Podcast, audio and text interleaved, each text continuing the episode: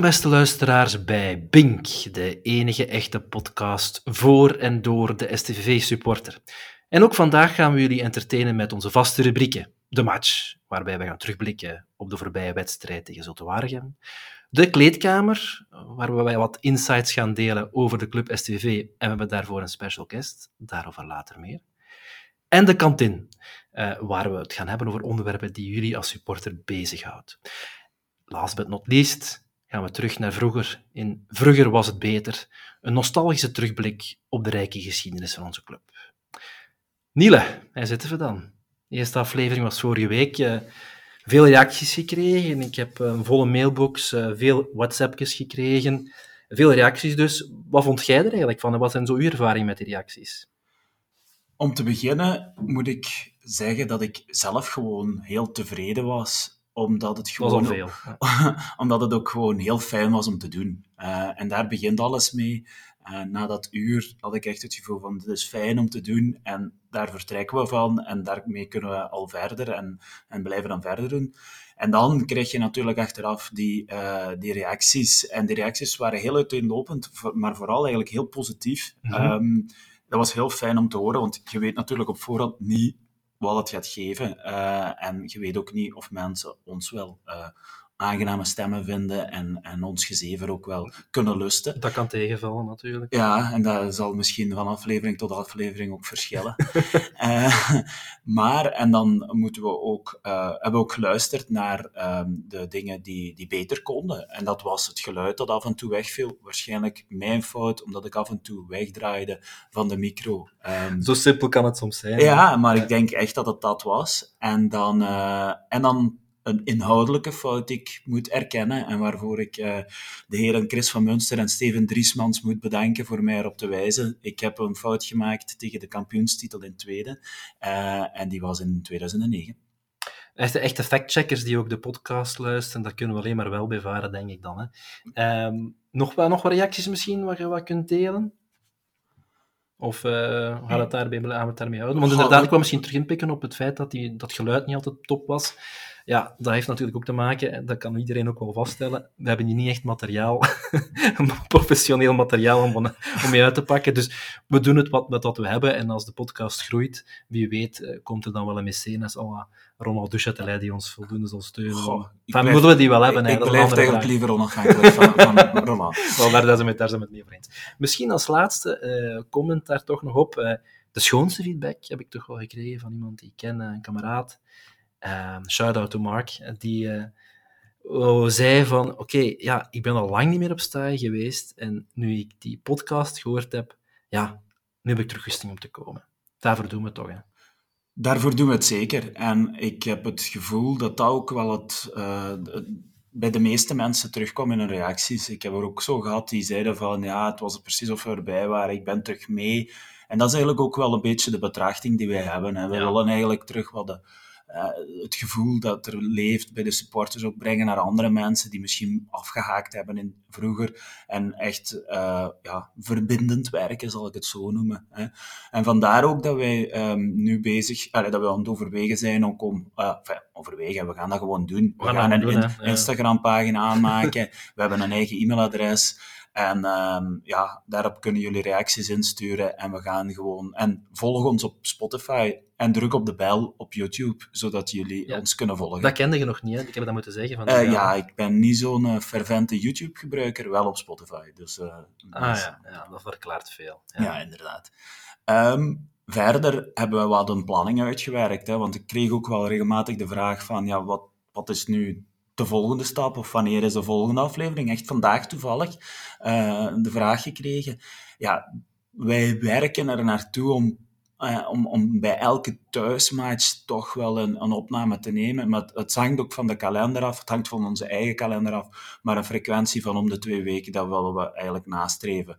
Natuurlijk in oktober hebben we ook gezien dat we twee keer na elkaar thuis spelen. Dan zullen we proberen ook twee keer dicht bij elkaar op te nemen. een duidelijke datum daarop zetten, daar, dat is iets te moeilijk voor ons te committen. Dat, dat, is nog iets te vroeg. Ja. Ik stel ook wel vast dat er heel wat voorbereiding in kruipt, maar we doen het eigenlijk wel graag. Ja, ze daar straks, dus uh, perfect. En het hangt natuurlijk ook af van nog een tweede ding wat we willen meegeven, en dat is dat we ook uh, geregeld um, mensen gaan uitnodigen. Gelukkig, want anders zou dat betekenen dat we hier altijd met twee zitten en dat de mensen altijd naar ons twee moeten luisteren. Ja. Ik denk dat Allee, zelfs mijn vrouw raakt mij beu, soms. Allee, dus... Ja, en ik krijg nog eens het verwijt dat ik vlug begin te zagen. Dus uh, ik denk dat mensen mij ook wel beu zullen worden. Ja. Um, en ja, wij, wij zien daarvoor eigenlijk vooral naar twee soorten uh, types van gasten. En dat is enerzijds uh, gewone fans um, die iets te vertellen hebben. Um, en die ofwel veel weten van onze club, of spannende verhalen hebben, of weet ik veel wat. En daarnaast hebben we ook wel uh, special guests. Die kunnen ook fans zijn, maar die zullen dan eerder um, bijvoorbeeld iets te maken hebben met, met uh, de STV of met um, ja, de voetballerij in het algemeen. En dat is misschien een goed bruggetje naar onze gast. Hè? Want uh, ja. wie hebben we hier vanavond? Zeg het maar. Ja, dat is Bert Stas. Uh, wij hebben hem meteen kunnen strikken. Uh, het zullen wel drukke weken voor hem geweest zijn tot nu toe. Hè, onze nieuwe brandmanager die, uh, brandmanager. Brandmanager, ja, want ja, misschien moet er in de hel. in de hel toch wel eens iets gebeuren. Um, en wij zagen, wij hebben gezegd in de eerste aflevering dat wij onafhankelijk zijn, dat houden we zo. Maar het leek ons wel heel fijn dat we iemand uh, kunnen strikken die uh, een beetje de ins en outs van de club wat meer kan meegeven na enkele weken. En die met ambitieuze plannen hier zit. En um, ja, dat was een kans die we niet konden laten schieten. Nee, en die kans zit hier voor ons. Bert, hallo. Goedenavond, mannen. Je hebt ook iets mogen zeggen na exact zes minuten. Ja, ik was aan het denken van uh, wanneer komt het, maar ik, uh, het is toch uiteindelijk nog uh, ervan gekomen. Fijn. Prima. Kun je misschien ook jezelf wat voorstellen? Want ja, we denken dat de meeste mensen u wel zullen kennen, of toch minstens weten wie dat je bent. Maar doe het toch maar eens en doe het iets vollediger dan dat je normaal zou doen. Oké. Okay, um, ik ben in eerste instantie um, vader, samen met mijn partner Marianne, van Rosa en Lon. Lon, uh, ja, niet toevallig, uiteraard vernoemd naar onze enige gouden schoen uit de geschiedenis, Lope Zalige naam, zalige naam. Uh, ja, ik moet zeggen, mijn vrouw heeft, ze, uh, heeft, heeft hem voorgesteld. Uh. Ik probeerde op het moment dat ze hem voorstelde even zo te temperen. Maar van binnenin was ik een heel grote vreugdesprong aan het maken, moet ik zeggen. Um, en ik ben ook heel blij dat we daarop geland zijn. Um, zoals jullie al in de introductie zeiden, 40 jaar supporter geweest. Hè. Um, ben altijd uh, aan de hand van mijn vader naar het stadion gewandeld. Uh, vader die vroeger ook journalist was, correspondent van STVV. Ik mocht met hem mee in de kleedkamer waar dan Wilfried Sleurs en, en Patrick Siepers in een bloot onder de douche stonden. Uh, dus dat was zo'n beetje ja, het ultieme als, als jonge gast natuurlijk. Om de speler in zijn blote te zien. dat niet per se, maar wel allee, zo dichtbij ja, uw helden staan. Ja, dat is natuurlijk iets waar u eeuwig bijblijft natuurlijk. En uh, ja, sinds enkele weken uh, ja, als brandmanager inderdaad aan de slag. Ik ben uh, daarvoor actief geweest bij VOCA, tien jaar communicatiebureau Idiarte, heel mooie jaren beleefd. En ja, sommigen zeggen midlife crisis. ik had goesting om nog iets totaal anders te doen. Um, ik heb onze voorzitter toen aangesproken. Um, ja, gewoon vanuit het losse idee van wie weet. Hè, je zit er zelf met dat idee gekomen om aan te spreken. Het is niet dat hij gekomen is. Nee, je zet stoute schoenen aangetrokken en gewoon daar gaan. Eigenlijk wel. Hè, dus hoe, hoe, gaat zoiets op dat moment? Je, je neemt afscheid, um, dan krijg je wel wat telefoontjes hier en daar. Maar eigenlijk de enige die ik zelf gebeld heb, is, is Steven Mekers.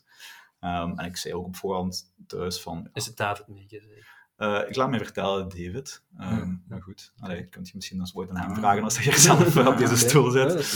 Um, nee, en, en het was een beetje een, een wilde gok. Maar na het eerste gesprek kwam er een tweede. Zag ik ook onze Japanse collega's. En uh, ja, na de derde keer kwam ik thuis en zei ik tegen mijn vrouw van... Volgens mij gaat er echt iets van komen. Um, en toen geloofde ik er eigenlijk pas echt in. En ja, intussen ja, aan de slag op staan.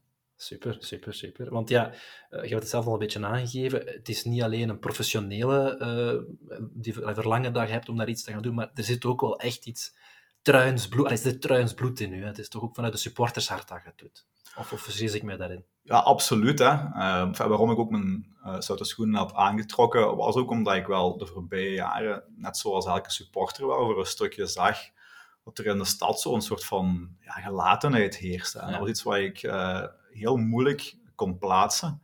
Um, En ik zei ook van, ja, ik kan niet veel, maar met de dingen die ik kan, denk ik wel dat we terug het vuur misschien wel kunnen aanwakkeren. En dat is zeker wel de doelstelling, dat we kunnen terug stijl laten vollopen, dat we eigenlijk een truinaar terug kunnen zich laten vereenzelvigen met de club. En dat is eigenlijk wel wat we heel erg nodig hebben. Ja, dat is wat we ook vorige week al in de podcast aangaven, Niele. Ja, dat dat vuur, die beleving, het volk, sta je toch al achterblijft. Hè? Dus ik denk dat wij dat wel... Allee. Ja, en dat is een, misschien een van de... Uh, doelstellingen die we met de podcast ook hebben, hè, van, de, van die band terug aan te scherpen. En ja, dan, dan is het uh, fijn om te zien dat er dan uh, iemand bij de club aan de slag gaat die, ja, die, die weet wat er nodig is of wat er ontbreekt. En ja, ik denk als wij twee, we hebben er vaak genoeg over gehad de laatste jaren, als je ziet dat het supporters, als je ziet dat de supportersaantallen achteruit lopen, ja, dan, dat is niet altijd even fijn om nog dan in het stadion zelf te zitten. Je bent zo uh, de laatste der Mohikanen bij, bij momenten geweest. Het gaat beter. Je weet ook dat je in een regio zit die graag naar voetbal gaat. Hè? Want, ik blijf dat zeggen, je waart ooit op de uh, bekerfinale met 20.000 man en dat waren niet allemaal SCV-supporters. En je hebt gewoon in onze regio ook heel veel Anderlecht-supporters, heel veel Genk-supporters, heel veel Standaard-supporters. Um, maar dat neemt niet weg dat je daar ook wel echt heel veel mensen over STV kunt aanspreken. En dat zou gewoon echt fijn zijn dat we echt terug die, die aantallen kunnen uh, verhogen. Dat is uiteindelijk de doelstelling, Bert. Absoluut. Ja, sta je moet terug vollopen. Dat gaat niet van vandaag op morgen gebeuren. Maar allee, wat mij wel sterkt is dat je wel voelt dat er iets borrelt. Hè. Ik zeg altijd, het is een beetje een vulkaan die in slaap gevallen is, maar die gaat eens terug ontploffen. En daar moeten wij voor zorgen. En ik denk dat we er later op terug gaan komen in de podcast, hoe dat jij dat ziet. Hoe we dat vuur terug kunnen laten branden. De hel. Hè. Um, de hel, die brandt tijdens de match.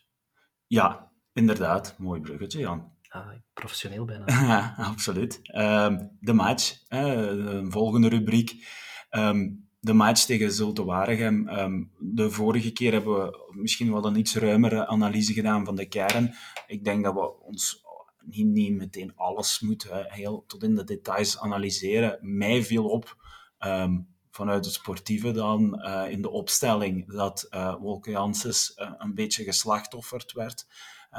Moest dan uh, was de laatste weken, en we hebben nog gezegd in de vorige podcast, heel goed bezig. Uh, verrassend, naar mijn gevoel, maar goed, echt heel goed. En dan uh, ja, komt Bauer terug in de ploeg en moet hij links half gaan spelen. Um, tegen zijn voet, um, niet meer in die achterlijn. Um, en ja, voelde meteen dat dat niet goed zat. Wordt dan ook al meteen een half uur afgenomen. Ik vond dat snel en ik vond dat echt zo een kind van de rekening. Ja. en Um, ja, dat vond ik een beetje ja, jammer. Dat was bizar, hè? Misschien hadden ze geluisterd naar dat podcast en dan waren we iets te veel uh, optimistisch. Ja. Uh, geen idee wat er, bij, wat er bij de, in het hoofd van de trainer uh, speelt. Hè. ja, Bert, je hebt de match ook gezien. Wat, wat dacht jij toen je Wolken op die plaats zag staan? Ja, enfin, ik moet altijd erbij zeggen, als mensen over het sportieve beginnen tegen mij, uh, zeg ik altijd van, dan moet je tegen Bernd zeggen, niet tegen Bert. Um, maar nee, die hebben we hier nu niet vandaag. Nee, voilà. Dus dan neemt je weg dat ik er uiteraard een mening over heb als supporter dan. Um, ik vond Wolken eigenlijk de grote revelatie van de seizoenstart. Um, dus ik vond ja, ook wel, net zoals jullie, verrassend. Maar wat mij vooral allee, allee, positief stemde, was dat zowel Bruno als Okazaki tot scoren kwamen. Hè. Ik denk dat we echt wordt uiteraard heel veel getoeterd over Hara, ja, nee. Hè. Enfin, ik begrijp dat ook wel ergens, maar ik denk dat we toch wel twee heel degelijke spitsen hebben voor eerste klasse. En als daar een soort van chemie kan ontstaan, dat we daar echt wel een wapen hebben. Ik heb die chemie nog niet heel erg gezien in de eerste wedstrijden, dat geef ik ook mhm. wel toe. Maar allez, ik zeg het, hopelijk is dat wel zo de sprankel die ze, die ze nodig hadden om helemaal te ontploffen. Dat was wel mijn punt dat ik wou maken. Ja, ik, ik vond het heel opvallend. Vorige week zitten we hier nog met heel veel bombarderie te zeggen probleem zit vooraan. Hè. Er is in een aanval. Uh, Stef Wijnands, ik herinner mij dat ik dat vorige week ook gezegd heb, die, die beaamde dat. En plotseling, we winnen één match tegen ja, ons met alle respect over Zulte Waregem spreken, maar toch denk ik een van de mindere, misschien zelfs de minste ploegen in eerste klasse. We winnen daar met 0-3 tegen. En ja, plotseling is de aanval uh, toch goed. En uh, gaan we zelfs voor top 6, of kunnen we voor top 6 spelen, als ik het Stef Wijnands niet moet geloven. Dus ja, wat, wat is, is dat een puntje van kritiek? Dat is een puntje van kritiek. dat, dat mag toch, hè? Dat ja, ja, ja, ja, absoluut. Uh, ja, dus, we zitten hier onafhankelijk. Ik vind, persoonlijk, ik heb de match wel gezien, maar men ziet dat is toch altijd iets meer. Ik vond eigenlijk zo de Waregem niet zo heel slecht. Ik, ik kende daar bijna geen mens van, dat moet ik ook eerlijk toegeven. Het, was, uh, het waren heel veel nieuwelingen.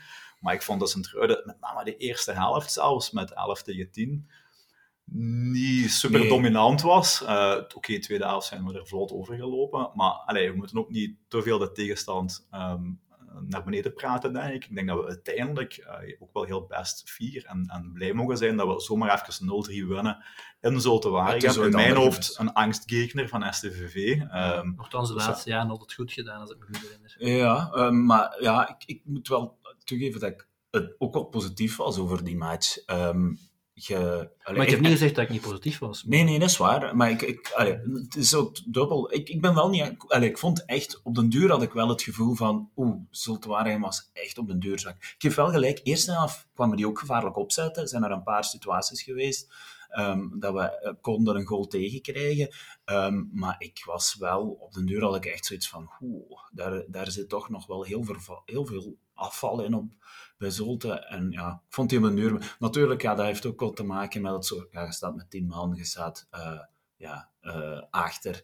Ja, dan, dan zakt de moed ook in de schoenen. Um, ik vond bij ons, en ik, daar ben ik wel mee, daar volledig mee akkoord, Bert. Um, ik vond het echt ja, bedrijvig vooraan. Ik vond dat die combinatie, denk dat ze ook nog niet zo heel vaak hebben samengespeeld, uh, Okazaki en, en, en, Bruno, maar dat ging wel zo. ik vond dat daar wel wat muziek in zat. Ik vond dat ook. Want, ja, en zo'n Gianni Bruno, ik, heb daar, ik voel daar wel iets voor. Ik denk dat dat wel een mm. type spits is dat iets kan betekenen voor Sint-Truiden. We hebben natuurlijk het verhaal gehad met zijn uh, vredesboodschap richting onze vrienden van Genk, uh, de, het weekend voor de derby. Uh, ik moet dat natuurlijk als brandmanager ten strengste veroordelen, maar als supporter vond ik dat natuurlijk fantastisch. en ja, sindsdien, allee, ik heb wel het gevoel dat die man snapt waar het over gaat en, en, dat dat wel iemand is die voor ons iets kan betekenen. Ik wil, ik wil geen polemiek veroorzaken, maar ik had nu toevallig, ja, het, is, ik moet het bekennen, ik heb ook eens naar de podcast van onze vrienden uit het, het, het midden van Limburg geluisterd en daar vond vond de actie van uh, Bruno beneden alle pijl.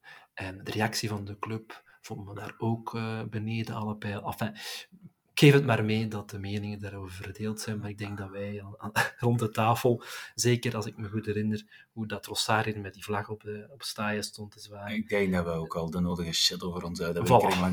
langs hun kant. Goed, uh, terug over de match.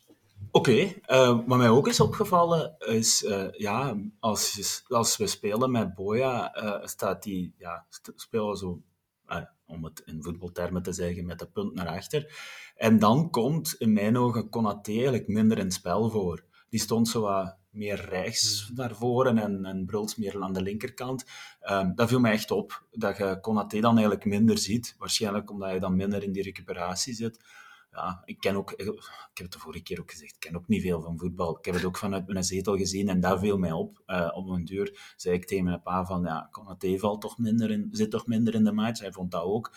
Maar is dat minder in de match zitten of dat ze dat gewoon doen wat je moet doen en dan gewoon minder opvallen? Omdat ja, normaal als die net voor die verdediging staat, valt hij op door, ja, door zijn, zijn fysieke vermogen, duels winnen en zo. Dus het viel mij op. Ja, ja. Um, en dan, maar ja, en dat is misschien de belangrijkste boodschap. Ik denk dat, wij, dat dat een belangrijke overwinning is. Ook het moment, hè, je verliest de vorige week, uh, je bent uh, zo in die middenmoot, maar het kan weer snel gaan. Hè. Ja, dat zei je vorige week ook. Hè? Ja, van achter zitten die toch... Goed, ik ben ervan overtuigd dat er een pak slechter ploegen zijn als ons. Maar ja, als die dan zo wat beginnen hier en daar toch ook punten te pakken, ja, dan kan het toch zeer snel. En ik heb het in, onlangs in een andere podcast uh, gehoord van waarschijnlijk met Mid of 90 Minutes. Het is gewoon altijd hetzelfde geweest en wij hebben het ook meegemaakt. Zo dikwijls al, als je van achter staat, is het zo anders voetballen. Als je al begint met van achter, op het begin van het seizoen tegen degradatie te voetballen, ja, dat is, dat is, dat, dat is ja, stresserend, dat is moeilijk. Dat is van week tot week echt. Ja, en het is een zegen dat we dit jaar dan niet voor... Allee, wat licht, wat licht. Ja, we moeten niet erop zijn misschien met conclusies, maar het, daarom zei ik, deze is een belangrijke overwinning. Je kunt terug die aansluiting met die middenmoot, met die trein in het midden. Je staat, allez, je staat er onder andere licht. Hè. Ah, ja. Ja, we zijn, allee, ik denk dat dat de conclusie moet zijn uh, die we kunnen trekken. Is, we staan goed, we hebben een, we hebben een belangrijke match gewonnen. Ja. Op naar de volgende tegen Eupen. Maar goed, ik denk uh, voldoende over de match. Wat denk je? Ja. ja. ja. Uh, kunnen we misschien overgaan naar ja, toch wel het meest interessante topic, denk ik, van vandaag, gezien onze gast. Um, om dat even in te leiden, Bert, ik herinner mij dat we na de match tegen Charleroi op tafel hebben geklopt. Dat was toen met die beruste groep van 12. Op tafel hebben geklopt bij bestuur. Um, het was toen niet alleen de groep van 12, het was ook 5 na 12, hebben we het daar ook uh, benoemd. Om iets te gaan doen aan het ja, verval bij, in de supportersbeleving. Te weinig volk op die tribunes, het, het, het volk dat er dan zit, ja, mort. Uh, het was tijd om er iets aan te doen. En we hebben eigenlijk, dat we week ook al aangegeven, sindsdien een heel aantal beslissingen zien nemen die echt wel in de goede richting uh, gaan. En daarvan is er toch één, ook wel uw aanstelling, Bert. Probleem blijft natuurlijk. Hè. Uh, probleemstelling die we, die, we, die we toen gemaakt hebben. Centruiden leeft niet meer bij veel supporters, leeft niet meer in de stad. Hoe wilt je, of wat gaat je eraan doen? Ja, ik denk Centruiden leefde niet meer. Ik heb wel het gevoel dat we mm. aan het verrijzen zijn. Um, als ik kijk naar de cijfers, hè, dat moet ik ook af en toe doen overdag, uh, dan zie ik dat wij qua abonnementen plus 15% zitten. Um, dan zie ik dat wij op ons thuiswedstrijden een heel degelijke opkomst hebben. Ik zie ook de beelden van alle andere stadions en ik zie dat quasi alle clubs in vrije val zijn qua toeschouwers. En dat Sint-Truiden eigenlijk lichtjes vooruit gaat. En ik denk dat we dat niet mogen onderschatten. Uh, wat een sterk signaal dat zoiets is. Dus allee, ja. ik ben deels akkoord met de analyse over het verleden. Mede ook uiteraard door heel die coronasituatie. Maar ik vind wel dat we, dat we terug de goede richting aan het uitgaan zijn. Nu, om te antwoorden op uw vraag, want het is hier natuurlijk geen uh, politieke podcast waarin ik rond uw vragen moet uh, draaien. nee, best. Um, enfin, ik denk dat we drie dingen moeten doen. Ik denk één, STVV moet terug alomtegenwoordig worden in het leven van de truinaar en de haspelgouwenaar in het algemeen. Ik denk dat we daar aan moeten werken. We hebben dat ook al gedaan de voorbije weken. Herinner u de belactie van onze oudspelers, die echt... Ah oh ja, die was cool. Een, ja. het sterk, een, een enorm sterk signaal hebben gegeven door gewoon de abonnees op te bellen en te vragen van verleng je volgend jaar je abonnement, uh, kom je terug naar Staaien. Ja. Um, allee, je kunt de hand niet verder uitsteken dan dat. Daar is ook veel gepra over gepraat in de stad, um, uiteraard. Heb je daar misschien een leuke anekdote over? Uh, zeker, ik zat daarnaast. uh, ik kan, kan er daar sommige misschien niet van vertellen, maar ik zal er eentje wel vertellen. Uh, een van onze call agents voor een dag was Nico Curto. En jullie weten misschien dat Nico ook uh, ja, politieagent is in het dagelijkse leven. Um, op een bepaald moment belt hij naar iemand van onze supporters. En die neemt op. En Nico zegt, wat is er met Nico Curto? Aan de andere kant van de lijn zegt er iemand... Ik heb mijn auto toch never verkeerd geparkeerd. dus uh, die dacht uh, dat Nico belde vanuit zijn professionele hoedanigheid, maar hij was heel gerustgesteld toen hij hoorde wat de echte aanleiding was. Heel fijn. Dus die nabijheid, allee, die, die zichtbaarheid, eh, dat is iets belangrijk voor u. Zo, die, die belactie gehad, zijn er nog andere dingen in de pijplijn dat je kunt delen? Zeker, heel veel. Um... ja, dat hadden we vorige week al, want we hebben natuurlijk al een sneak preview gehad uh, bij de bespreking met de club. Uh, uh, er, was heel veel, er, lag, enfin, er ligt heel veel op de plank. Hè. Ja, en jullie krijgen al kritiek dat het te lang duurt, de podcast. Ik zal niet heel mijn verhaal doen. maar, maar je, je hebt tijd genoeg. Wat ik zeker wel kan meegeven is, we hebben onlangs bijvoorbeeld met de mensen van de stad samengezeten om te kijken van hoe kunnen we bijvoorbeeld op een, op een event zoals Lichtjes in het Park, hè, waar uh, heel Sint-Truiden en bij uitbreiding de rest van de regio door het park wandelt bij NDA, hoe kunnen we daar als club visibel zijn? Hoe kunnen we daar een geel-blauwe zone creëren? Hoe kunnen we daar echt, ja, ik zeg het, terug in de leefwereld van de truinaar kruipen? Dat is zeker een voorbeeld, maar het gaat ook niet allemaal zo high-level of super spectaculair zijn. Hè? Waar we bijvoorbeeld nu mee bezig zijn, is we hebben heel wat partnersteden rond ons verzameld. En we gaan daar bijvoorbeeld een heel basic actie doen, waarbij we samen een lokaal supporterscafé gaan samenwerken.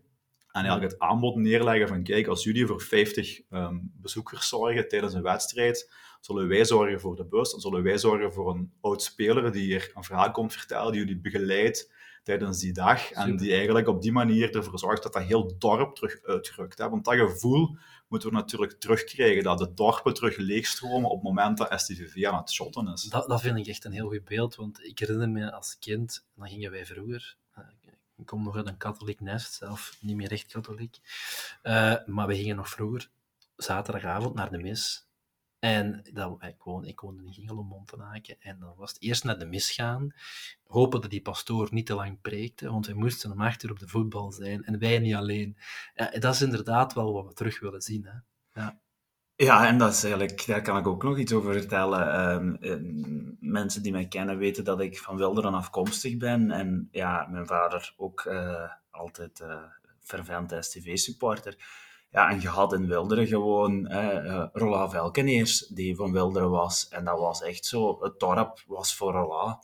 En die gingen dan samen op, op verplaatsing. En, en uh, dat was... Ja, je hebt dan ook een beetje dat dorpsgevoel. Natuurlijk, je hebt dat ook minder in, in tegenwoordig, die, die dorpen. Maar je moet wel... Ik vind dat wel heel chic om, om, om, om dat te horen. Ik denk dat dat wel werkt. Ja, misschien een punt, een kritischere vraag, Bert. Hè het dorp, het dorp, de gemeenschap terug betrekken. Uh, hoe verenigt je dat eigenlijk met het feit dat we natuurlijk door de omstandigheden een heel internationale club geworden zijn, hè, met zeer veel Japanse invloeden. Hoe kunnen wij, of volgens u, kunnen wij die brug maken tussen dat internationale, dat Japanse en, en het lokale, de stad, de gemeente daar rond? Hoe ziet je dat? Ja, ik denk dat die brug slaan nodig is. Hè. Daar moeten we niet flauw over doen. Ehm, aan de andere kant zijn er ook wel wat gelijkenissen tussen een Japanner en een Treuner. Is dat zo? Um, dat zijn toch allebei um, mensen, volkeren, die, die graag hard werken. Um, een Japanner is ook burgondischer dan dat je op het eerste gezicht denkt. Hè. Ja, dat hebben we gezien, hè, de Japanner die op de match was, die zag er zeer maar dat is absoluut zo. Uh, ik ben vorige week vrijdag ook met een van onze Japanse collega's hebben we een afterwork drink gedaan. Er was ook een van onze Japanse collega's bij. Ik zeg, we gaan naar het bistroken. Hè? Um, en Meer trouwens kan het niet zijn. Trouwens, er wacht het niet. Hè? Dat is eigenlijk de beste integratiecursus die ik kan volgen. um, en we zijn... Misschien daar ook een anekdote van. Nee, ja, enfin, dat was, dat was eigenlijk heel mooi. Moeilijk, ik, was iets, ik was iets vroeger. Ik was daar met een paar uh, met Philip Foutmansen en zo van deze wereld uh, alle pintjes aan het drinken. En ik zie mijn collega zijn, zijn hoofd om de hoek uh, steken. En ze riepen door heel het café uit: Dat is er een, een van oeg, dat is een van oeg die dood is. en ja, oké, okay, dat zijn kleine dingen. Maar ik denk wel dat die leefwerelden elkaar kunnen vinden en dat dat niet zo onoverkomelijk is en dat dat op het eerste gezicht lijkt. Er zijn ook heel wat collega's die heel graag naar Wilderen gaan, hè, bijvoorbeeld, die daar, uh, die daar heel graag eens uh, een glaasje gin drinken. Die, allee, we hebben misschien daar een, een ander beeld van dan de realiteit echt ja. is. Want dat was misschien een vraag, nee, want we komen straks, ik dacht dat je had iets had over drie pijlers, waar dan gaan we werken. We zijn nog altijd maar een pijler één, maar dat maakt nu niet zoveel uit, we kunnen er zelf terugkomen. Maar dit is een mooie vraag die aanzet wat je net zegt, of wat je mhm. net zegt. Um, hoe is het eigenlijk om met Japanners te werken? Ja, dat is bijzonder. Um, Heel politiek antwoord. Ja, nee, ik zal het al verduidelijken. Hè. Er waren zelfs mensen op het forum die vrezen dat het zo een uh, diplomatische podcast ging worden. Die kan ik geruststellen, dat gaat niet gebeuren. Um, nee, allee, weet je, het is inderdaad een beetje surrealistisch soms. In die zin, aan de ene kant is onze commercieel directeur Stan um, ja, aan het bellen met een lokaal bedrijf. Soms is dat maar een plat truins woord ertussen. En terwijl zit een andere collega te videochatten met Japan. En dat gebeurt daar op uh, twee vierkante meter. Hè. Hm. Dus dat is, dat is soms raar om te zien, maar dat werkt op zich wel. aan de andere kant natuurlijk, wat de, de moeilijkheid is, is... Ja, wij hebben een heel andere voetbalcultuur in, in Europa. En ja, ja. In Sint-Truiden ook. Ja. Dus sommige dingen moet je wel uitleggen. Hè? Als ik zeg van, kijk, ik, ik wil graag muurschilderingen en het en opstaan hebben om ons geschiedenis te laten herleven, ja, dan moet ik wel uitleggen aan iemand van Japan hoe die muurschilderingen er in godsnaam voor gaan zorgen dat er terug meer mensen naar het stadion gaan komen. Ik geloof daarin. En ik, maar ik begrijp aan de andere kant ook zeer goed dat dat een gedachteoefening is om dat te kunnen begrijpen. Dus dat, is, dat vergt soms wel wat extra dialoog, dat is natuurlijk zo. Ja, en, en, maar mij is altijd opgevallen, en ik weet, ik weet niet of ik het me juist herinner, maar ik herinner me dat iemand mij zei dat in Japan supporters niet echt een ploeg volgen, maar vooral spelers. Dat was een ding. Ik denk dat ik dat vertelde heb naar aanleiding van de podcast uh, met Kevin Ores in Mid Mid. Uh, en die vertelde, maar dat was vooral denk ik in Zuid-Korea, waar hij vooral heeft gespeeld, maar hij heeft ook in Japan gespeeld. En, maar ik denk dat het vooral in Zuid-Korea is. Dus ik weet niet hoe het precies in Japan is, maar daar was dat effectief zo. Uh, dus die, die zijn daar meer ja, dat is meer een personencultus en die gaan echt ja, uh, dus, dus de, de topspelers dat, volgen. Dat verklaart ook dan waarom dat Sint-Truiden een succes kan zijn in Japan. Want dat is het ook, ik kom daar een andere podcast een keer op terug. Maar volgens mij, omdat ja, die spelers, die Japanse spelers, die spreken daar tot de verbeelding op een manier dat wij niet kennen. Wij zijn verknocht, hopelijk toch, aan onze club van kleins af aan. Dat leeft daar toch volgens mij iets minder. Ja, dat klopt, Jan. En wat we ook niet mogen vergeten, de spelers die hier spelen vanuit Japan, dat zijn de, de Lukaku's en de Bruines vandaar. Ah, ik bedoel, die hier spelen, hè? Uh, hier op staaien. Dus dat is ook niet heel onlogisch dat die supporters vandaar volgen wat er hier uh, in Sint-Truiden gebeurt. Ook al lijkt dat voor ons mm, soms misschien wel onbegrijpelijk, maar dat zijn dan natuurlijk supersterren. Ja. En denk ik een heel goed onderwerp voor een keer een andere podcast is om dieper op in te gaan. Maar je waart nog altijd maar bezig met je eerste pijler. En dat, was, en dat was weer? Ik ben het alweer vergeten. Maar we kunnen, het, we, kunnen terug, we kunnen terugspoelen. Nee, dat kunnen we niet. Nee, enfin, ik zei daar juist inderdaad, hoe kunnen we in het dagelijkse leven van de mens terugraken? Maar natuurlijk rekenen we erop dat al dat soort acties ertoe leiden dat mensen terug naar het stadion komen. En dan is het aan ons om ervoor te zorgen dat in, die stadion, in dat stadion, beter gezegd, dat je daar een beleving voelt die je ergens anders niet voelt. Hè. Onze grootste concurrent is Eleven Sports. Hè. Daar moeten we niet flauw over doen. Uh, je moet constant afweging maken. Blijf ik in de zetel zitten? Ja. De tv, ja, ja, ja, uiteraard. Of ga ik naar het voetbal? Dat is één. En twee, ook wel, er zijn ook heel veel andere sporten en evenementen waar, uh, waarmee je om de oren geslaan wordt. Dus wij zullen elke wedstrijd opnieuw mensen moeten verleiden om naar het stadion te komen. Het is niet meer zoals jij uh, zei Jan vroeger, dat je na de mis automatisch naar staaien gaat. Jammer genoeg misschien, maar dat is wel de realiteit. Dus wat wij proberen te doen, is elke match in een thema in te kleden.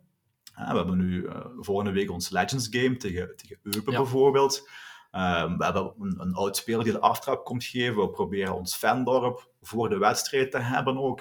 Wat trouwens een stokpaardje is van mij. Ja, ik vind dat supporters terug vroeger naar het stadion moeten komen. Ik vind dat onbegrijpelijk als mensen zo drie minuten voor tijd komen binnengesprint om juist nog de aftrap te halen. Ik vind dat is zo'n essentieel deel van de voetbalbeleving dat we dat terug moeten cultiveren. Ja, daar wil ik even op inpikken, want ik denk dat er wat, heel wat commentaar daarop zou kunnen zijn van ja, inderdaad, vroeger naar de match, vroeger deden we dat, maar er ontbreekt eigenlijk een soort van plek om naartoe te gaan. Vroeger eh, ging iedereen naar de Canary of naar nog, voor, nog dan zijn dat verraadt ook hoe oud dat we zijn, uh, nog een café stadion. Uh, die trekpleisters, die zijn er niet meer, of in ieder geval werken, zo, niet, werken niet meer. Uh, ja, je kunt dan wel zeggen van we gaan met, met activiteiten mensen eh, naar het stadion lokken, maar is daar ook geen ruimte om, om eens te denken van oké, kunnen we dan zo'n fandorp, of, of ja, hoe je het ook noemt, terug zo organiseren dat dat gevoel bij de supporters is van ja, na gewoon even de match door in het drinken. Is dat niet ook iets wat we missen? Dat is wat we absoluut willen bereiken natuurlijk. Dat Vendorp is nou, vorig jaar al voor een stukje gestart. We gaan dat nu doortrekken de hele, het hele najaar. Um, dat is iets wat een traditie moet worden. Dat gaat ook niet van vandaag op morgen.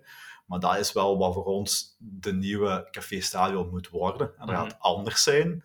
Maar het principe is wel hetzelfde. Het principe is, je komt naar, de, naar het voetbalstadion, een uur op voorhand, je drinkt 7, 8 pintjes met je kameraden, je praat over vrouwen en kinderen en ook vooral heel veel over de voetbal. En dan zit je al een beetje in de olie als je eh, aan de wedstrijd begint. Dat is toch een heel belangrijk stuk van de voetbalbeleving. Ja. Absoluut. Ik denk dat we daar graag uh, voor naar de voetbal komen. Uh, Jan ik toch. Uh, wat ik daar wel um, ook wel soms lees is, en ja, dat kun je natuurlijk niet aan doen, dat is de bouw van het stadion, is natuurlijk je deelt dan wel snel op tussen uh, tribune Oost en tribune Noord. Maar ja, daar kun je waarschijnlijk weinig aan veranderen. Maar dan, dan ja, splits je de supporters al voor een stuk. Ehm, dat is wel een beetje nadeel aan het stadion, denk ik. Dat klopt, um, maar kijk, we mogen nooit ons te snel neerleggen bij dingen. Het is heel gemakkelijk om te zeggen, ja, het is nu zo en we gaan dat niet kunnen oplossen. We hebben onlangs met de mensen van Noord samengezeten om te kijken, wat kan er? En we zijn nu ook intern aan het kijken met mensen van wedstrijdorganisatie en dergelijke, hoe kunnen we ook de veiligheid garanderen en toch iets doen en iets creëren voor iedereen in het stadion. Ehm, oké, iedereen heeft daar zijn eigen rol. Ik kan natuurlijk makkelijk roepen, we zetten hier al die, die poorten open en we laten iedereen op Oost uh, binnenstromen. Dat is het gemakkelijke deel van, het, uh, van de opdracht. Maar gelukkig zijn er nog mensen zoals een Sven die dan kunnen zeggen van, oh, dit is twee seconden normaal. Hè. We moeten zien dat alles veilig is en dat we alles logistiek geregeld krijgen. Uh, en we proberen daar een middenweg in te zoeken, waardoor iedereen toch betrokken is. En zou kunnen dat we op Noord iets extra gaan doen, zou kunnen dat we nog iets anders uit ons nog een hoed toveren, maar we zijn er ons wel heel erg van bewust. Ja, ja. oké. Klinkt veelbelovend, hè? Wat ik zo terwijl aan het denken ben, is dat niet, Jan, als jij bijvoorbeeld, uh, je komt dan van het Leuvense, um, ja, als je dan al, uh, je moet die, die, verplaatsing dan al doen, is dat niet ook voor u aangenamer dat je ja, ook iets zou kunnen eten? Opsta je uiteraard uit het vuistje, want anders kun je die 7, 8 pinten niet drinken, die Bert zei.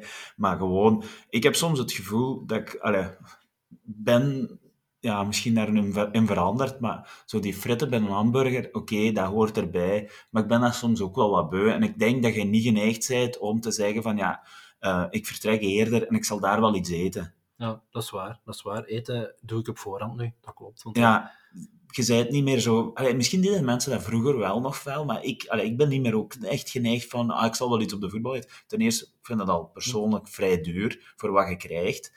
Oké, dat is misschien kritiek. Uh, daar, moet jij je nu over uitlaten, Bert. Maar ik vind dat echt, voor wat je krijgt, is, is het uh, eigenlijk weinig. En ja, de keuzemogelijkheid, het is gewoon frituur. En meer is er niet. Dus, ja, ja. hier eigenlijk zo spontaan aan het denken, dan vind ik dat eigenlijk wel een beetje een gebrek. Ja, dat zou wel kunnen. Ik denk nu niet dat dat voor mij nu de grootste, het grootste gebrek is, maar ja, ik kan me wel voorstellen dat dat inderdaad wel zou kunnen helpen om vroeger naar het stadion te komen. Hè. Want, ja, dan hebben we het nog niet gehad over die tig uren waar, ja, ja. Je, waar, waar, waar, waar, dat je Daar hebben we het vorige keer over gehad. Ja, dat, dat speelt natuurlijk ook mee. Hè. Ik bedoel, iedereen heeft zijn eigen agenda en ja, goed, we hebben het de vorige keer gezegd, het is echt heel vervelend. Ik heb blijkbaar van mijn papa ook gehoord dat ik toch niet heel correct was. Dat ze in de Premier League ook wel eens op verschillende tijdstippen sturen.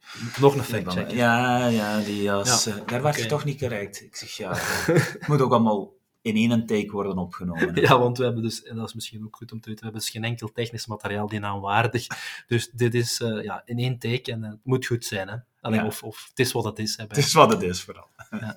Uh, het is wat het is. Misschien is dat ook een goed bruggetje naar, ja, oké, we kunnen dat allemaal wel willen al. Hè. De derde pijler. De de Potverdikke niet, de derde pijler. Je zou toch moeten knippen dan deze keer, om die aan elkaar te plakken, die pijlers. Dat gaat niet gebeuren.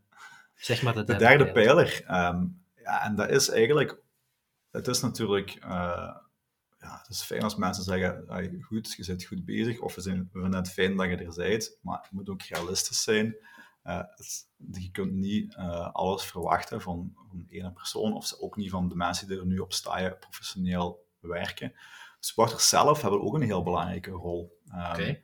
Ik vind dat de supporters ook terug wat meer ambassadeur moeten worden. Hmm. Um, we gaan dat ook wat aanmoedigen. Hè. Wat we bijvoorbeeld in gedachten hebben, is een avond um, van vader op zoon bijvoorbeeld, hè, of, ah, ja. of, van moeder op dochter, voordat ik hier het centrum van gelijke kansen achter me krijg. Die kansen um, serieel. Ja. um, nee, maar waarbij we gaan echt actief mensen aanmoedigen om terug hun zoon of een dochter mee naar stadion te nemen. Net zoals wij ooit hè, met onze vader aan de hand naar het stadion gewandeld zijn, moeten mensen dat nu ook terug doen en moeten ze die, die microben doorgeven. Hè, hetzelfde voor, voor de typische klikken. Zo, hè. Maar misschien voordat we verder op die klikken... Ik, ik, ik, ik, herinner me, mijn zoon is geboren op 23 februari. dat is dezelfde dag als dat STVV in 1924 is opgericht. En dat gaf mij onmiddellijk rozeldokkie. Misschien is maar een goed gevoel. Je hebt uw zoon Lon genoemd. Je had hem terug moeten noemen. dat ook kunt. Uh, Maar die band tussen zoon en vader en voetbal, dat is zo cruciaal. En ik wil er even op inpikken. Waarom? Omdat een van de punten, of een van de dingen die ik zie in het stadion, of die ik niet zie, dat zijn jonge mensen. Ehm, ja, is dat iets waar dat ook je oog over gegaan is? Is dat iets waar, waar, waar je ook mee bezig bent? Want ja, de toekomst moet wel gegarandeerd blijven. Ja, en dat initiatief kadert daar ook in, um, absoluut. Ehm, nu, maar waar ik in eerste instantie op focus, is um, op de mensen die ja, eigenlijk supporter zijn van STVV, maar niet meer naar staaien komen. Ik denk dat we dat, dat is een beetje het laaghangend fruit, om het in Aspengouwse termen uh, te zeggen. Dat zijn de mensen die nu in een zetel zitten en misschien twijfelen van, zou ik nog eens niet teruggaan? Zou ik, eh, zou ik een kameraad nog eens een berichtje sturen en willen we eens niet terug naar staaien gaan? Ja. Daar moeten we op focussen en die Allee, dat publiek is zo ruim al, dat we, als we die kunnen terugkrijgen, hebben we al een grote stap gezet. En uiteraard moeten we dan ook nadenken, hoe kunnen we jongeren lokken en, en, en triggeren. Maar goed, allee, stap voor stap, denk ik. Ja, ik denk, ik denk dat, van dat, hè, dat is een beetje richting die klikjes, hè, waar wij ook in de klik op de voetbal zitten. Die klik is groter dan wat er op de voetbal zit. Uh, en er zijn ook wel mannen van die klik die af en toe wel eens willen gaan, wat twijfelen. Het zijn eigenlijk die mensen die we moeten halen. Ja. En die hebben ook kinderen, niet te vergeten. Ja, en, en dat is mij eigenlijk onlangs opgevallen. Ik was naar, uh, naar Pukkelpop gegaan um, en het was dan... Mocht je daar nog binnen? Zit je er niet uit? Uh, ik ben nooit te oud voor zo'n zaken. Uh, was er trouwens ook, als ik me niet vergis. um, nee, ik had... en ik was daar en een van de mannen die erbij waren, um, was aan het vertellen van... kreeg een bericht, ja, het was, het was op die moment denk ik ook Oostende en STV. ik was dat dan niet aan het zien. Geen en een, een, ja, geen echte. Een van de mannen kreeg een bericht en uh, die zei, ja, dingen ze aan het zien, uh, van, bij zijn thuis. En dan zit ik zeg, allee, dat je, ja, ik weet dat hij geen abonnement heeft, dus die is gewoon bij zijn thuis Oostende en STV aan het zien. En ik zeg dan van, goh, ja, goed, hè, ik zou zien misschien als ik thuis ben, maar ja, ik ben nu op Pukkel. Ja, maar als ik thuis was, had ik ook wel gekeken. En dan denk ik, dat, is, dat zijn de soort mensen die wonen in Brustem. Uh, die, die, die mannen zijn geregeld al eens naar STV komen kijken. Die hebben geen ander ploeg waar ze voor supporteren. En die kijken zelfs in hun vrije tijd, op een zaterdagmiddag om vier uur, kijken die naar Oostende en STV. Ja, die zou je in eigenlijk moeten kunnen ja, ontvangen in een fijn uh, STV, een fijn stadion.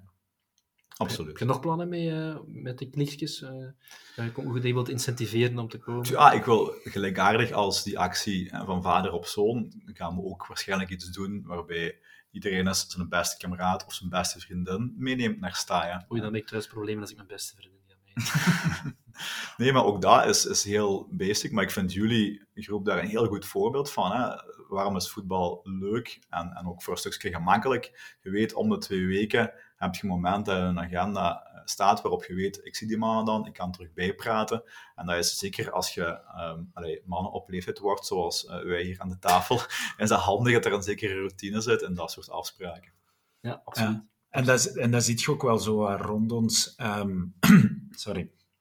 Ik heb ook uh, zo'n beetje als bedoeling uh, van af en toe eens een gast uh, te vragen, dan van de fans, waarvan ik weet van, ja, dat is ook zo iemand, die heeft ook zo zijn groepje. En die komt met, met, bijvoorbeeld met drie mannen naar, naar de voetbal al, al, al zoveel jaar, al elke twee weken. Ja, dat is ook, die hebben ook verhalen en dat zou fijn zijn om dat ook eens uh, te delen, te delen en, en, die een verhaal te horen. Dat is, en ik denk dat dat heel sterk werkt. Ik denk dat dat ook iets is, ja, wij, ik heb het ook al gezegd, ook de vorige keer, van ja, wij hebben ons groepje, dat, dat, uh, chapeau voor de mannen die van ver komen. Um, maar dat, dat werkt versterkend. En ja, die regelmaat is er. Uh, alleen ja, was het nu nog maar regelmaat van de uren, dan was het helemaal in orde. Ja, ja.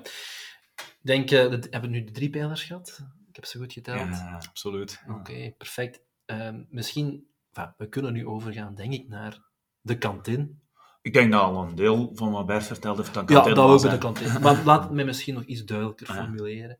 Um, ja, Bert, um, ja, als supporter kunnen we nu wel vaststellen dat er nog ruimte is voor verbetering. Hè. Je hebt daar straks ook al even gezegd dat je die mensen wilt aanspreken die, die er misschien uh, nu nog niet zijn. Maar stel je staat in de kantine op zijn truin, op staaien. Uh, wat zou je tegen de mensen zeggen daar? Wat zou je boodschap zijn aan hen? Mhm. Maar dat is zelfs niet voorwaardelijke wijs, want elke thuiswedstrijd is dat exact wat ik probeer te doen. Gewoon naar een van de tribunes gaan en ik ga daar staan aan de toog en ik begin daar met random mensen te babbelen. Of omgekeerd. Ja. Dus ik kan het trouwens iedereen aanraden, dat is zeer amusant. Um, en wat ik voornamelijk tegen hen zeg is wees terug fier, wees terug positief over uw club. Hè? Um, het is niet eigenlijk een kritische maar we moeten wel... Nurken zou altijd wel doen. Voilà. en dat is ook niet erg, en dat zal het iedereen wel eens doen, maar wees vooral positief en zorg, draag die, die boodschap terug uit en, en verspreid dat vuur terug. Ik, vond, uh, ik vind het fantastisch wat jullie bijvoorbeeld doen. Hè? Um, dat je nadenkt van hoe kun je iets doen voor je club in jullie geval is dat nu een podcast opnemen, maar iedereen kan iets doen voor een mm. club. Mm. Dat kan zijn monnikers verkopen, of dat kan zijn um, uh, op een andere manier vrijwilliger zijn in een stadion, of weet ik veel wat. Of er gewoon zijn en hard roepen. Dat is uh, een heel, uh, heel belangrijke, inderdaad. Um, maar allee, dat moeten we terug creëren, dat iedereen terug, allee, dat terug een legioen is, dat wil uitbreiden. En dat ook wel dat positivisme in zich heeft. Maar allee, naast tafheid, denk ik wat vooral belangrijk is, is dat ik daar niet te veel praat, um, maar vooral heel veel luister. Ik mm. probeer vooral te luisteren naar wat mensen vertellen, vragen, naar wat ze willen verbeteren. Ik schreef dat ook allemaal op met mijn gsm die avond zelf. En dan zit ik die mails naar mezelf te sturen, zodat ik een to-do-lijstje creëer voor de week daarna. En gewoon ja, mensen gewoon achteraf ook uitleggen van oké, dit gaan we doen of dit gaan we niet doen omwille van deze reden. Dat is al heel veel en dat doet al heel veel voor mensen. Ik doe dat trouwens ook online, hè, op onze social media, probeer ik ook in de mate van het mogelijke, als mensen daar een vraag stellen, te antwoorden. En het is niet mijn job, denk ik, om heel veel te praten, maar vooral om goed te luisteren. Ja, ja. Ik denk ook wel dat je de nagel de, knop, op de, de nagel op de kop slaat. Uh, dat was toch wel het probleem de laatste jaren. Even een van de problemen. Zo, je had het gevoel ja, dat je, je, had geen, je, had, je kon niet weg, met, je kon geen blijven met je kritiek. Er was precies iets, ja, Staya was iets vervreemd van u. Ja. Uh, en, en, en dat is denk ik wel heel belangrijk in dat luisteren, vooral dat we terug nabijheid met elkaar. En ook een beetje, en het is misschien ver, vergaand voor u, maar er was ook niet echt ja, een gezicht voor de supporters denk ik. Uh, ja, Sven, dus, Sven ja, Sven was een goed aanspreekpunt en absoluut. Uh, maar ik denk dat Sven al uh, gewoon, voor zover ik weet, ja, en, en allee, alle lof naar hem van wat hem deed, maar gewoon al vol zat qua agenda. Staan hetzelfde.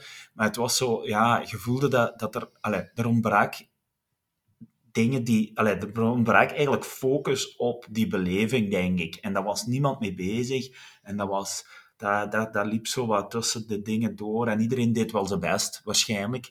Uh, maar ja, je zit, uh, denk ik, daarmee meer een gezicht geworden van, van de club. En, en ja, ik denk dat dat wel positief is, dat we iemand nodig hadden, of op zijn minst gewoon al iemand.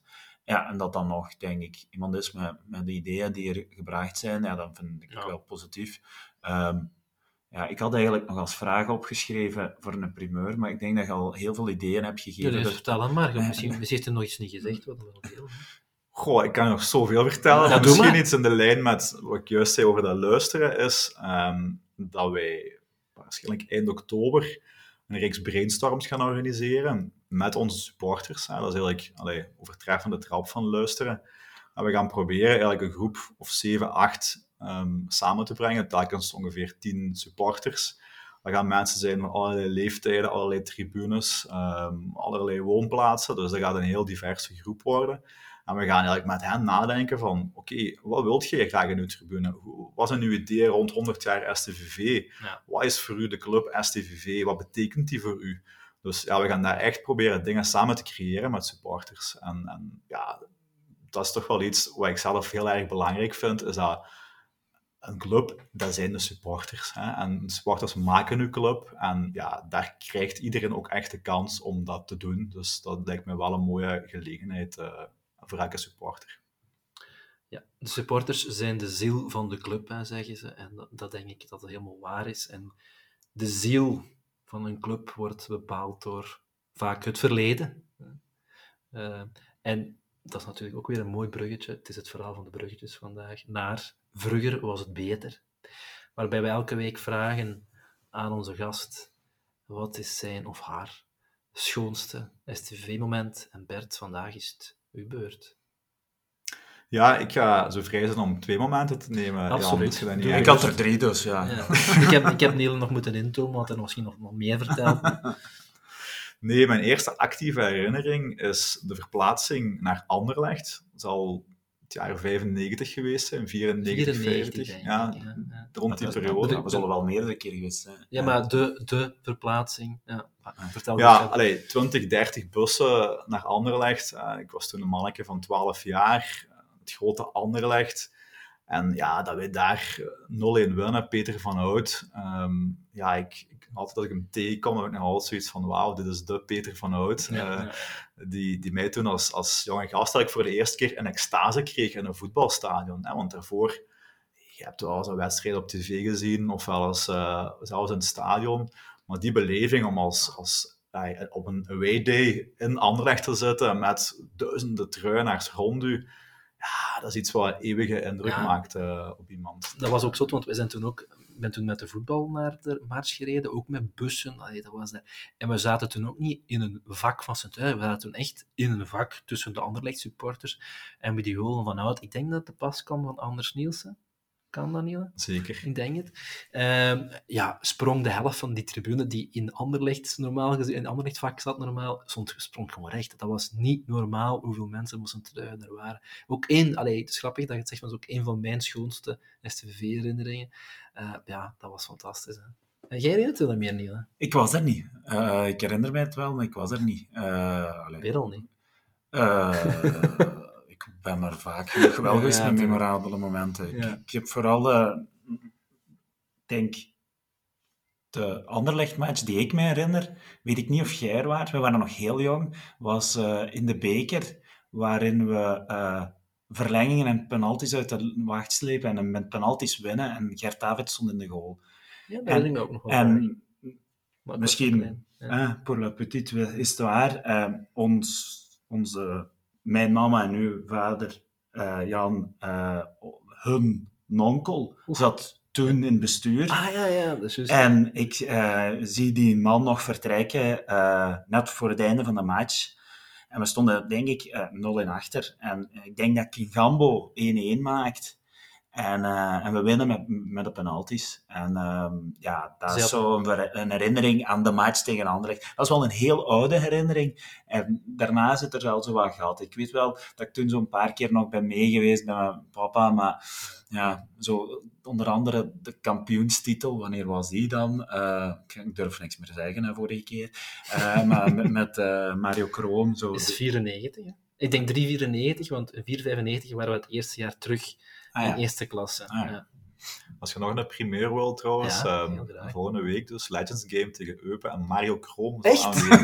Hoe cool. Dat is echt, voor, Ja. denk ik, voor mensen van onze generatie wordt Ja. dat... Allee, wij zijn al zelfs iets te, te jong voor... Ja, maar ja, Mario Mario Kroon, ik 94, herinner- ik dan herinner me- waren we 9, ja. Ja, maar ik herinner me toch nog dat we in Café Stadion met mijn, met mijn weet dat, die bierviltjes stond met een pen naar Mario Kroon, handtekening daarop en, en dan dansen in Café Stadion. Ja, nee, we- dat is nog wel een zeer een levendige herinnering en echt een levende legende. De Legend Game. Ja, dat is lang geleden dat we daar nog iets van gehoord hebben, eigenlijk. Ja. Dat die, eh, We kunnen hebt vragen. zo, ja, je hebt zo wel... Ja, ah, dat, vragen voor de podcast. nee, nee, nee. Hoe is uw Duits? Eh, Mijn is- is- is- is ah, ah, miserabel. Jean-Marie. Ah, ja. Zeg, eh, maar gaat ook nog een tweede. Tweede moment, ja. Twe- 2015, ik ben heel slecht in data, maar ik denk dat 2015 was. En eh, enfin, we hebben binnen de mannelijke helft van de familie een beetje de traditie om elk jaar een bijzondere voetbalmatch bij te wonen. Hè, met, eh, ik zeg het, de mannelijke leden van de familie. Dus we gaan dan zo naar Barcelona, naar Ajax. Ehm, en dat jaar wisten we niet goed van wat we pijlen maken. Totdat iemand, ik weet niet meer wie, riep van, willen we anders naar OHL STVV gaan? Wereldmatch. Ehm, ja, goed, op papier natuurlijk eh, iets kleinere affiche. Maar ik herinner me nog goed, we waren daar in Leuven, we speelden daar dramatisch. Ehm, ik denk dat we daar bij rust 3-4-0 konden achterstaan. De schade was gelukkig wat beperkter. En op een bepaald moment eh, komt daar Hilaire Momi Op Oh, ja. De, de match van Momi. de, ja, de- ook de enige match ik me van de man, als ik heel eerlijk ben. Maar toen hij opkwam, het was alsof Adebayor of zo werd opgebracht. Eh, eigenlijk de enige, het enige wat we nog moesten doen was lange bal lanceren richting Hilaire. En die controleerde je dan met zijn schouder of zijn, zijn borst of een ander lichaamsdeel. Ja. Die ging drie man ja. voorbij en, en, en die schoot op goal. En ja, hij heeft er bijna hoogpersoonlijk die match omgekeerd. En dat was, ja, ik denk een heel belangrijk moment in dat kampioenenjaar, hè, met Ferreira, Schoofs, Ja. Keuters.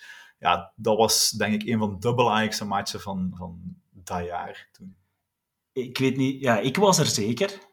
Ik weet niet of jij bij mij zat, Jan. Nee, ik Eh, zat niet... ik ja, zat in- op ik- tribune. Ik zat in de, ja, ik zat ook in de tribune van OHL. En ik denk... sorry. Ik denk dat ehm Bori geschorst of gekwetst was. En die zat bij ons langs. En ik vond nog... Want ja, als je. Bori op de plein zag, dat was een stevige kerel. En ik vond... Die zat langs mij. En ik vond dat eigenlijk niet zo'n... Ja, geen, ik vond dat maar een hele gewone mens. Geen Ja. Leisner. Nee, bijvoorbeeld. En dat viel mij op. En ik denk die match, ja, en dat was een zottekot. En je zag dat die tribune ook achter goal was, denk ik dan wel, de, de, de uitsupporters. En ja, dat was, dat was ook, een, ik denk, speelde Trossard niet bij OHL? Eh, en ik denk dat, ik denk Ik hoop toen, het. ik- ja, en toen was dat echt, en ja, die was wel vrij goed, maar dat was echt zo van, ja, in your face. En het, we verdienden het misschien niet, maar het was zo fijn. Verklaart ook een beetje mijn antipathie voor, eh, voor OHL. Ik heb het daar nooit echt over gehad, maar goed. Ehm, ook uit die, omdat we daar zo al verschillende keren zo'n strijd mee hebben geleverd. Ja. In tweede, degradatie, die play-offs drie en zo van die dingen allemaal. Dus ik heb het eigenlijk niet echt op die ploeg. Ehm, dus ja, vandaar dat... eh, allee, eh, dat staat mij ook heel veel bij. En het toeval wil... Ja. En ik, ik heb nog tijd, Jan, dus ik kan nog één anekdote vertellen. Dat ik deze week een berichtje, eh, een berichtje heb gekregen van... Ja, anders moet je mij eens uitnodigen, zei ene Kevin Castro. Want ja, ik ben toen bij die goal van Momi over de platen gevallen. dus het toeval wil dat we hier nu eigenlijk aan het spreken zijn over een geval wat ik eigenlijk als hint heb gehad gewoon over te babbelen. Dus allee, dat is toch een match, denk ik, die bij heel veel supporters ook is bijgebleven. Echt zalig. En dat is altijd schoon als we kunnen terugkijken op zo van die prachtige herinneringen. Ja, we zijn aan het einde van het uur gekomen. Ik denk tijd om eh, in te pakken en uit te kijken naar een volgende aflevering. Een volgende match op eh Staaien. Wanneer is de match, eh, Bert? Kunt je daar nog eens misschien de mensen wat warm maken om te gaan en te komen? Eh, 2 oktober, Eupen thuis, op het eh, niet zo katholieke uur, 9 uur s'avonds weliswaar. Zondagavond. Zon- zondagavond. Daar gaan we daar nu niet op de ingaan. normale Ja. tijden zondagavondwedstrijden. Nu, we hebben daar stukken op geanticipeerd. Hè, dat kan ik u wel nog meegeven. Dus ehm, onze legends die gaan vrij vroeg naar het stadion komen. Die gaan iets eten samen, maar die gaan ook al vanaf ongeveer half acht zich verspreiden over alle tribunes. Dus eigenlijk hebben we voor de wedstrijd niet speciaal zanger of een act of zo, maar zijn eigenlijk onze oudspelers, ehm ja, onze attractie tussen aanhalingstekens. En die zullen dus eh, zowel op, op Noord, op Oost als op West eh, zich begeven onder de mensen. Dus eh, het lijkt mij een heel mooie gelegenheid voor alle supporters. Er gaan ja, van verschillende generaties echt wel mensen aanwezig zijn. Komt er een lijst van wie er gaat zijn ongeveer? Want ik weet, eh, ik herinner mij nog dat ze een paar jaar terug ehm, ook een, een, een, eh, ja, de oudspelers in de watten hebben gelegd en dat die toen echt een cirkel hebben gevormd rond de middencirkel. En toen waren het, want ze hebben dat nogal gedaan, maar toen waren het er echt veel. En dat ik weet dat wij daar waren en dat wij echt zo ons afvroegen, en wie zou dat zijn? En wie zou dat zijn? Mm, mm. Hè, En, en dan was Matthias en papa, denk ik, dat op de plein toen stond. Want dat is Kempeneers, Ja. Herman Kempeneers. Ja. Ja, dus dat was, allee, dat was echt zo kijken van, ah, ja, daar is uh, Rolla Velkeneers, daar, daar is Wilmot. Allee, eh, zo stel ik het me voor dat het toen was. Ehm, dus dat zou wel fijn zijn, moest er zo ergens wat... ah ja, goed, dat dat niet volledig 100% klopt, maar... Dan, Nou, ik wil wel dat dat volledig 100% klopt, eh, Bert. Nee, ik zal eh, het naar mezelf mailen hebben sneden en eh, mijn to-do-lijst van volgende week toevoegen. Maar ik kan wel, al, ik kan wel meegeven, er gaan echt wel verschillende generaties zijn.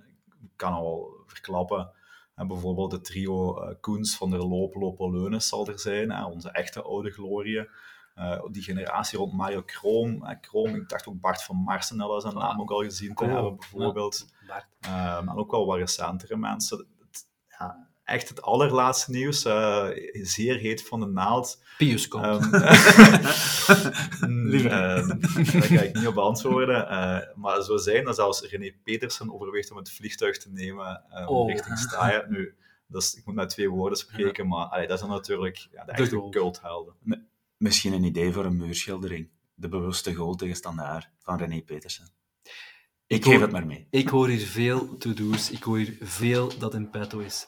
En ik hoor vooral ook dat dit het einde is gekomen, het einde is gekomen van deze podcast. Ik hoop dat jullie weer genoten hebben, of voor de eerste keer genoten hebben.